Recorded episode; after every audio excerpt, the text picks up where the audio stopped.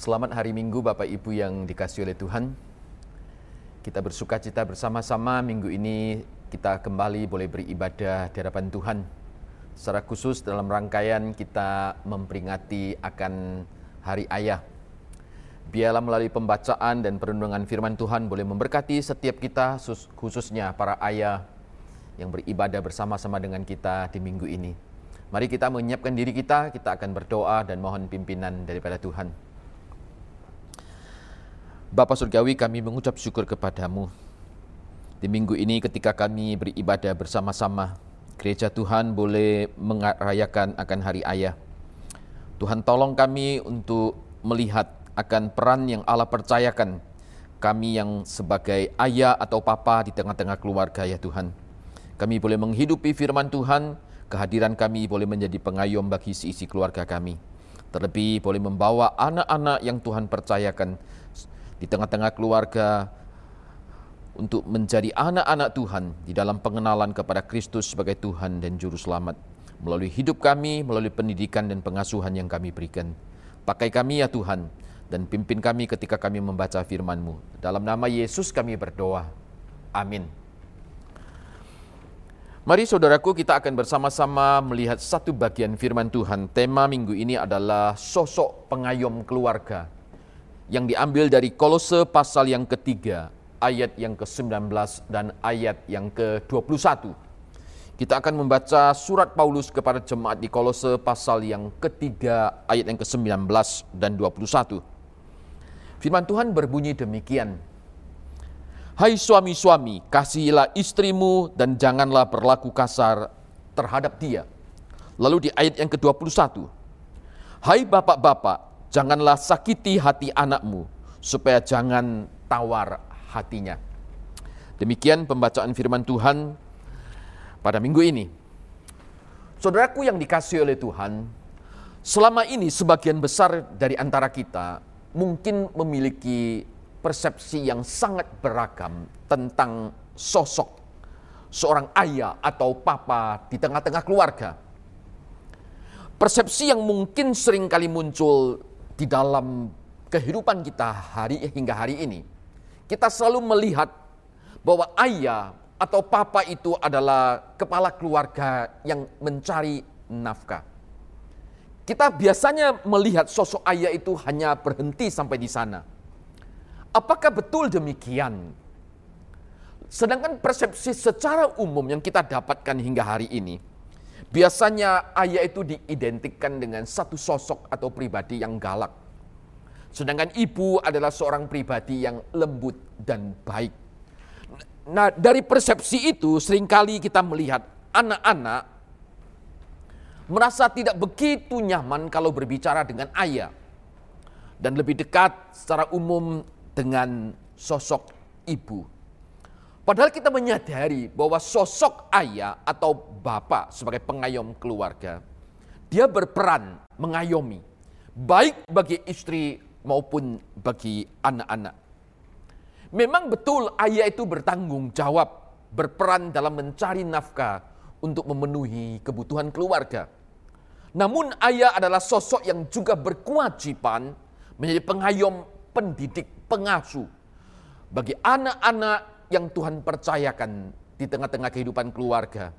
Seorang ayah di dalam keluarga wajib mengenalkan Tuhan kepada anak-anaknya dan mendidik mereka agar mereka bisa bertumbuh dalam iman dan siap menghadapi akan masa depan mereka. Intensitas pertemuan dengan ayah gitu ya.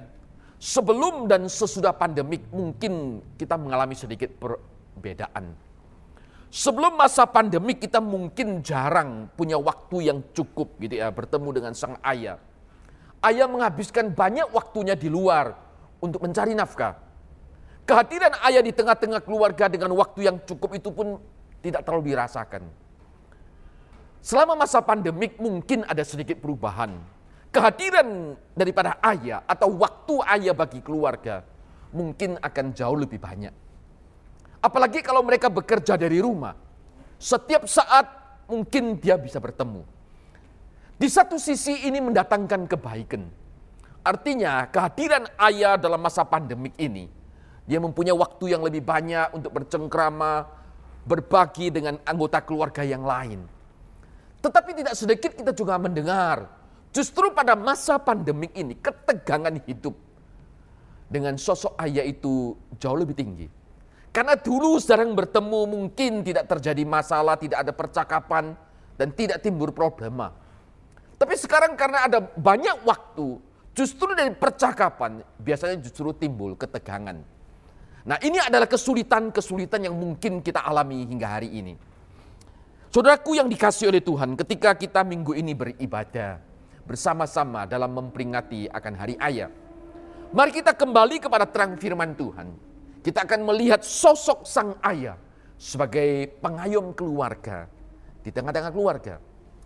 Di dalam bagian firman Tuhan yang kita baca ini, Pertama, Paulus ini berbicara kepada laki-laki yaitu suami bahwa dia berperan sebagai seorang pengayom bagi istri. Sehingga dikatakan kasihlah istrimu dan janganlah berlaku kasar terhadap dia di ayat yang ke-19.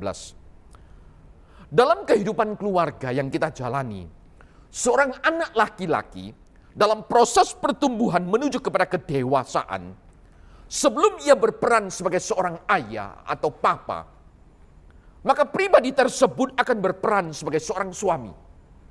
Dengan kata lain, peran suami itu akan mendahului perannya sebagai seorang ayah di tengah-tengah keluarga. Dalam suratnya kepada jemaat di Kolose, Rasul Paulus ketika berbicara soal relasi, hubungan antar anggota keluarga, Ya terlebih dahulu kalau kita perhatikan, ia berbicara soal peran laki-laki sebagai seorang suami. Baru kemudian dia berbicara soal peran daripada ayah. Hal ini juga kita temukan kalau kita membaca surat Paulus kepada jemaat di Efesus. Dengan kata lain sosok pengayom keluarga, yaitu sang ayah. Dia harus terlebih dahulu berperan menjadi pengayom bagi istri sebelum ia menjadi pengayom bagi anak-anak yang Tuhan anugerahkan. Sebagai pengayom istri, suami itu harus mengedepankan kasih dikatakan. Dalam surat kepada jemaat Efesus pasal yang kelima ayat yang ke-25.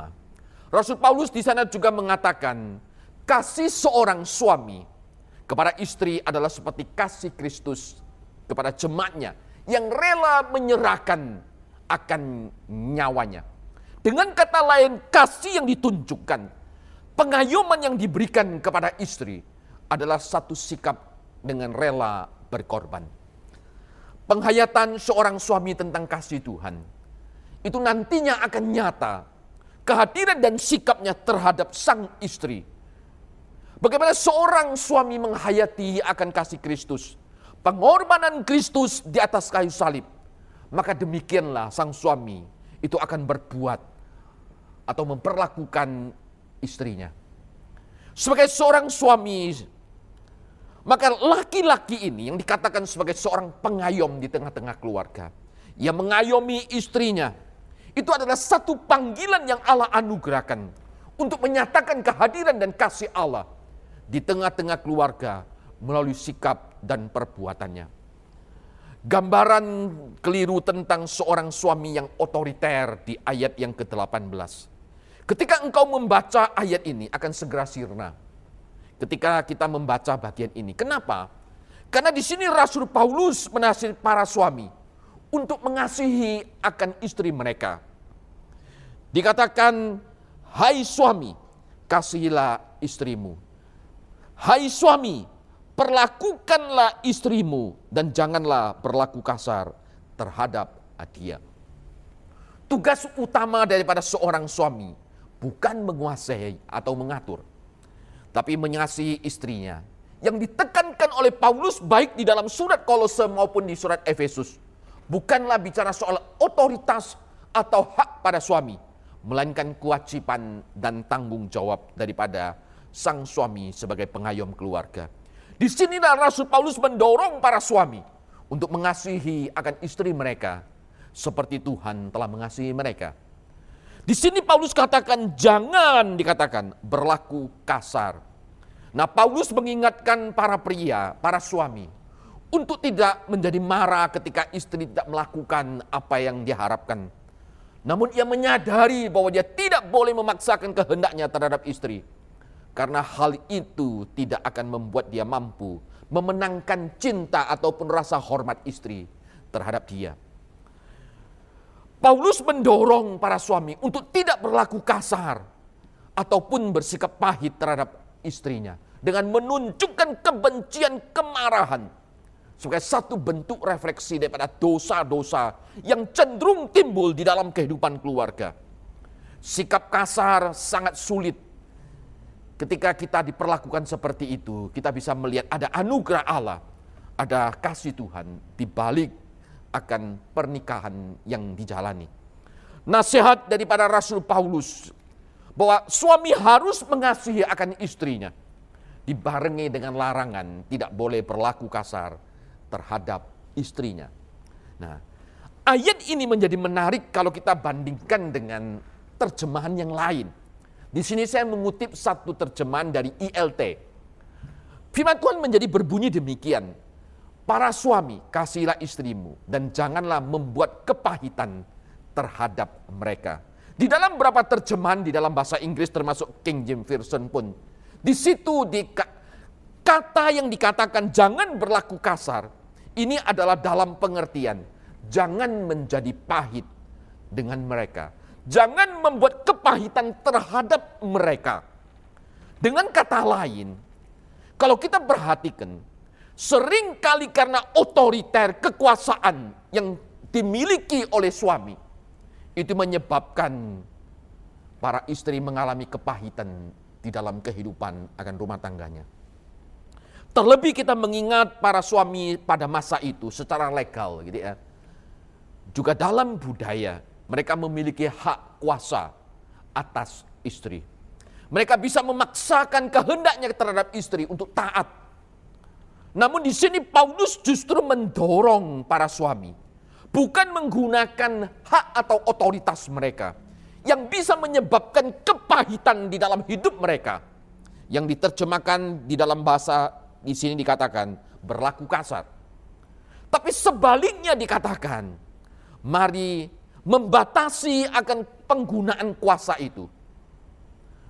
Suami justru mempersuasi istrinya melalui kasih, bukan menguasai melalui kuasa Kasih akan menjaga keseimbangan, tidak mengeksploitasi kekuasaan, tapi juga tidak dikuasai oleh kepahitan. Nah, di sinilah Paulus mendorong para suami. Pendekatan hubungan suami istri yang sehat sangat berpengaruh dalam relasi dan kehidupan bagi anggota-anggota keluarganya yang lain, terutama kepada anak-anak karena sebelum kalau kita perhatikan gitu ya, dia berperan sebagai seorang ayah. Sekali lagi, sosok laki-laki itu akan berperan sebagai seorang suami. Jadi relasi bagaimana dia menggunakan haknya dengan seimbang dengan kasih yang dinyatakan. Maka di situlah dia bisa melayani, melindungi, mengayomi istri dengan baik, menghormati akan istri dalam segala kelebihan dan kekurangan. Oleh karena itu di sini dikatakan Paulus mendorong para suami jangan berlaku kasar. Sedangkan di dalam surat Efesus dikatakan mengasihi seperti Kristus menyerahkan akan nyawanya. Ada satu sikap rela berkorban di dalam mengayomi dan melindungi akan istri. Itu bagian pertama. Lalu di bagian yang kedua kalau kita perhatikan, di sini Paulus mendorong para laki-laki yang berperan sebagai ayah, sebagai pengayom bagi anak-anaknya. Di ayat yang ke-21 dikatakan, Hai bapak-bapak, janganlah sakiti hati anakmu, supaya jangan tawar hatinya. Fokus daripada firman Tuhan ini, ini adalah pada larangan yang sangat mungkin menyiratkan akan keprihatinan pada masa itu karena pada masa itu posisi anak dalam budaya kuno pada masa itu itu sangat menyedihkan. Anak-anak sering kali dianggap tidak lebih seperti properti yang dimiliki oleh sang ayah. Bahkan dalam kasus-kasus tertentu dalam literatur pada masa itu, keadaan anak-anak justru jauh lebih menyedihkan dibandingkan dengan para budak. Ada banyak contoh situasi atau kasus yang sulit yang dialami oleh sang anak. Pada masa itu ayah berhak menentukan apakah bayi yang dilahirkan itu diberi kesempatan untuk hidup atau tidak. Misalnya, ketika seorang ayah menginginkan bahwa bayi yang dilahirkan adalah laki-laki, maka pada saat istrinya melahirkan adalah seorang perempuan. Seringkali ayah justru tidak memberi kesempatan hidup bagi sang anak itu. Dengan kata lain, bayi perempuan dilahirkan itu akhirnya dibunuh. Ini adalah kondisi budaya pada waktu itu. Bahkan juga ayah yang pada masa itu sering kali menjual anak-anaknya sebagai budak. Bahkan ketika anak itu sudah bebas pun, selama masih ada di bawah pengawasan daripada sang ayah, si ayah bisa menjual kembali. Si anak itu tetap menjadi budak. Intinya, selama seorang anak berada di bawah pengawasan anak pada masa itu, ia menjadi milik sang ayah sepenuhnya. Ayah berhak menentukannya. Dalam konteks budaya seperti itu, maka anak sering kali bertumbuh dalam kemarahan hati yang begitu sakit dalam hidup mereka.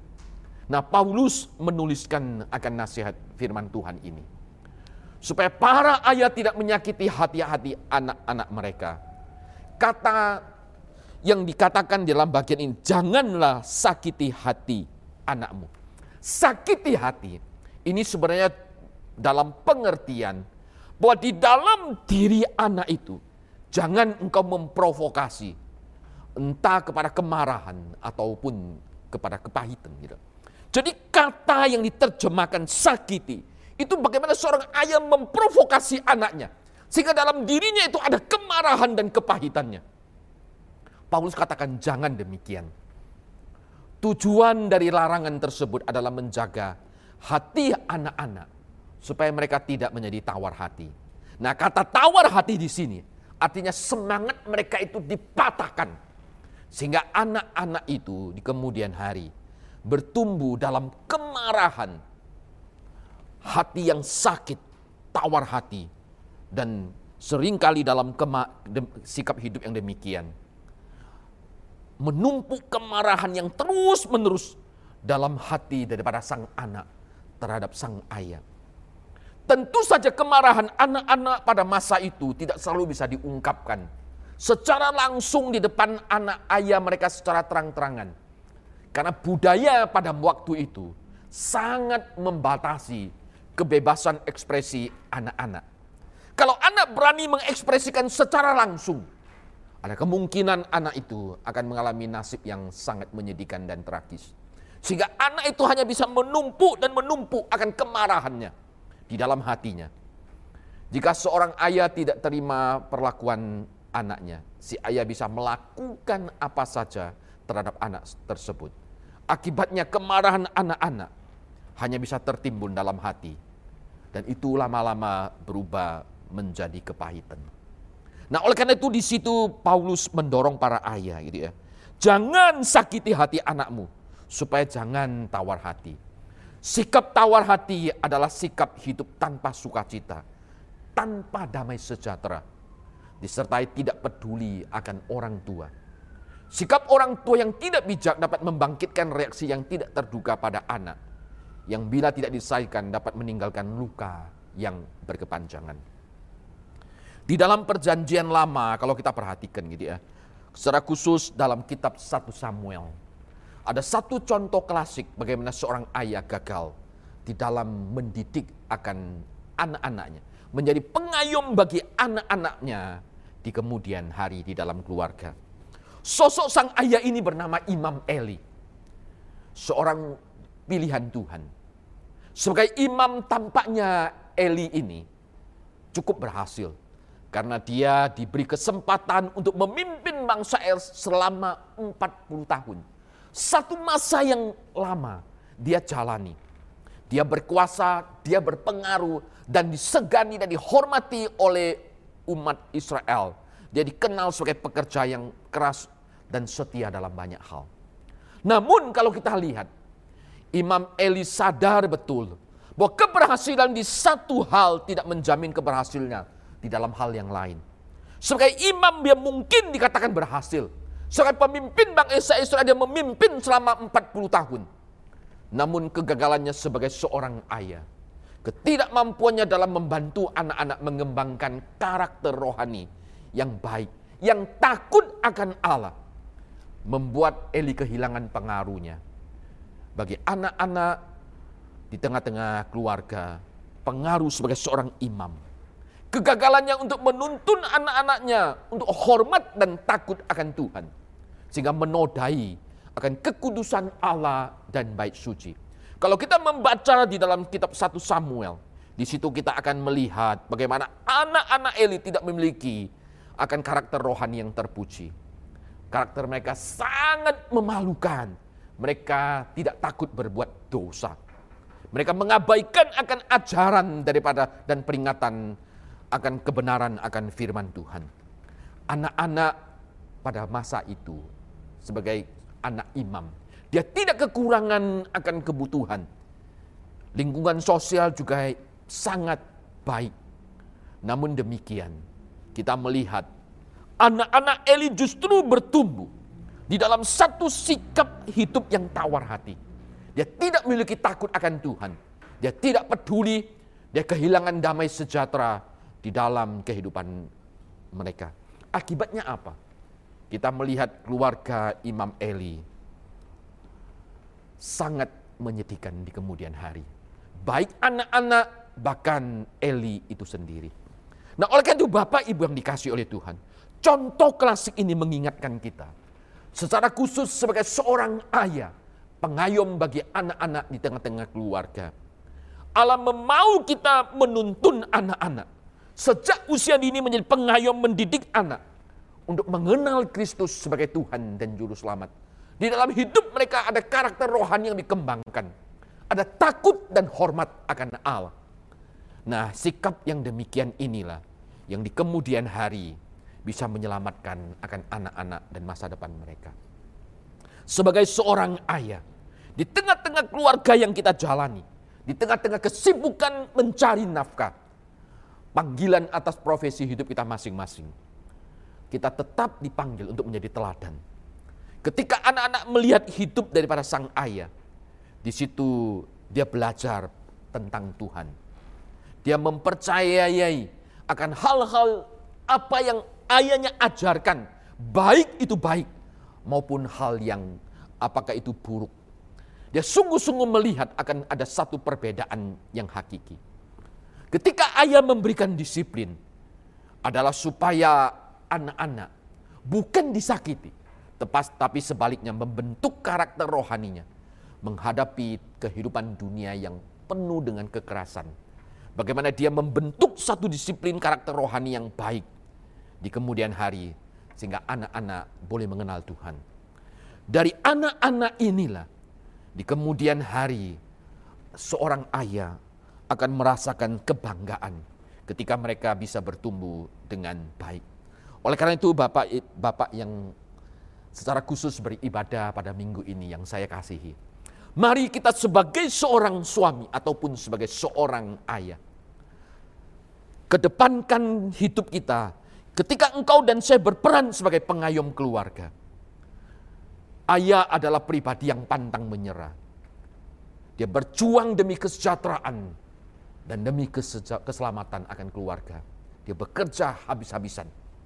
Sebagai pengayom keluarga, ayah adalah pribadi yang rela berkorban. Kerelaannya berkorban tanpa pamrih agar anak-anak bisa bertumbuh dengan baik. Menikmati kehidupan yang baik dan mengerti jelas akan panggilan Allah atas hidup mereka. Seperti Paulus katakan sebagaimana Kristus mengasihi dan rela menyerahkan nyawanya Itulah sikap daripada seorang ayah sebagai pengayom keluarga. Sebagai pengayom keluarga, ayah adalah pribadi yang menjadi teladan iman. Di dalam belajar takut akan Tuhan, hormat akan Allah. Dalam ketekunannya menanamkan nilai iman kepada anak-anak. Mari para ayah yang dikasih oleh Tuhan. Kita belajar dari kebenaran firman Tuhan seperti yang Paulus katakan. Baik kita sebagai pengayom bagi istri, maupun pakai pengayom bagi anak-anak. Sebagai seorang suami dikatakan, Kasihilah istrimu dan janganlah berlaku kasar terhadap dia. Sedangkan sebagai seorang ayah, janganlah sakiti hati anakmu, supaya jangan tawar hatinya. Kiranya Tuhan menolong engkau dan saya, hadir sebagai seorang suami, sebagai seorang ayah, di tengah-tengah keluarga yang mengayomi, yang mendatangkan damai sejahtera, yang memberikan rasa aman dan perlindungan. Sehingga istri dan anak-anak merasa terlindungi dan masa depan mereka menjadi ada. Karena Tuhan yang memberkati. Terpujilah nama Tuhan. Tuhan memberkati kita semuanya. Amin. Mari kita bersama-sama berdoa. Bapak Surgawi kami bersyukur kepadamu Ketika kami beribadah minggu ini, firman Tuhan boleh mengingatkan kami. Sebagai seorang suami maupun sebagai seorang ayah, menjadi pengayom bagi anggota keluarga kami ya Tuhan. Tuhan tolong kami supaya kami boleh mengembangkan karakter rohani, sebagaimana yang Tuhan inginkan. Kami ya Tuhan, boleh mengasihi istri kami dan rela berkorban bagi kami, mereka. Kami sebagai ayah juga jangan sampai diri kami menimbulkan kemarahan dan sakit hati atau membuat anak-anak kami menjadi tawar hati. Tapi kehadiran kami menjadi penuh dengan kehangatan cinta kasih. Kami boleh memberikan teladan yang baik, teladan iman yang baik. Bagaimana kami belajar hidup hormat dan takut akan Allah. Sehingga anak-anak boleh, boleh bertumbuh secara utuh. Bukan secara, secara fisik, tapi secara spiritual, secara rohani. Mereka juga boleh bertumbuh dengan karakter yang teruji di hadapan Allah. Berkati para ayah ya Tuhan, di tengah-tengah kesibukan mencari nafkah Biarlah kehadiran mereka dengan kerelaan berkorban dan teladan hidup yang baik. Seisi keluarga boleh merasakan akan kasih yang datang daripada Allah juga. Merasakan damai sejahtera, merasakan akan rasa aman yang Tuhan anugerahkan. Terpujilah engkau ya Tuhan, sekali lagi berkati para ayah. Dalam nama Yesus kami berdoa. Amin.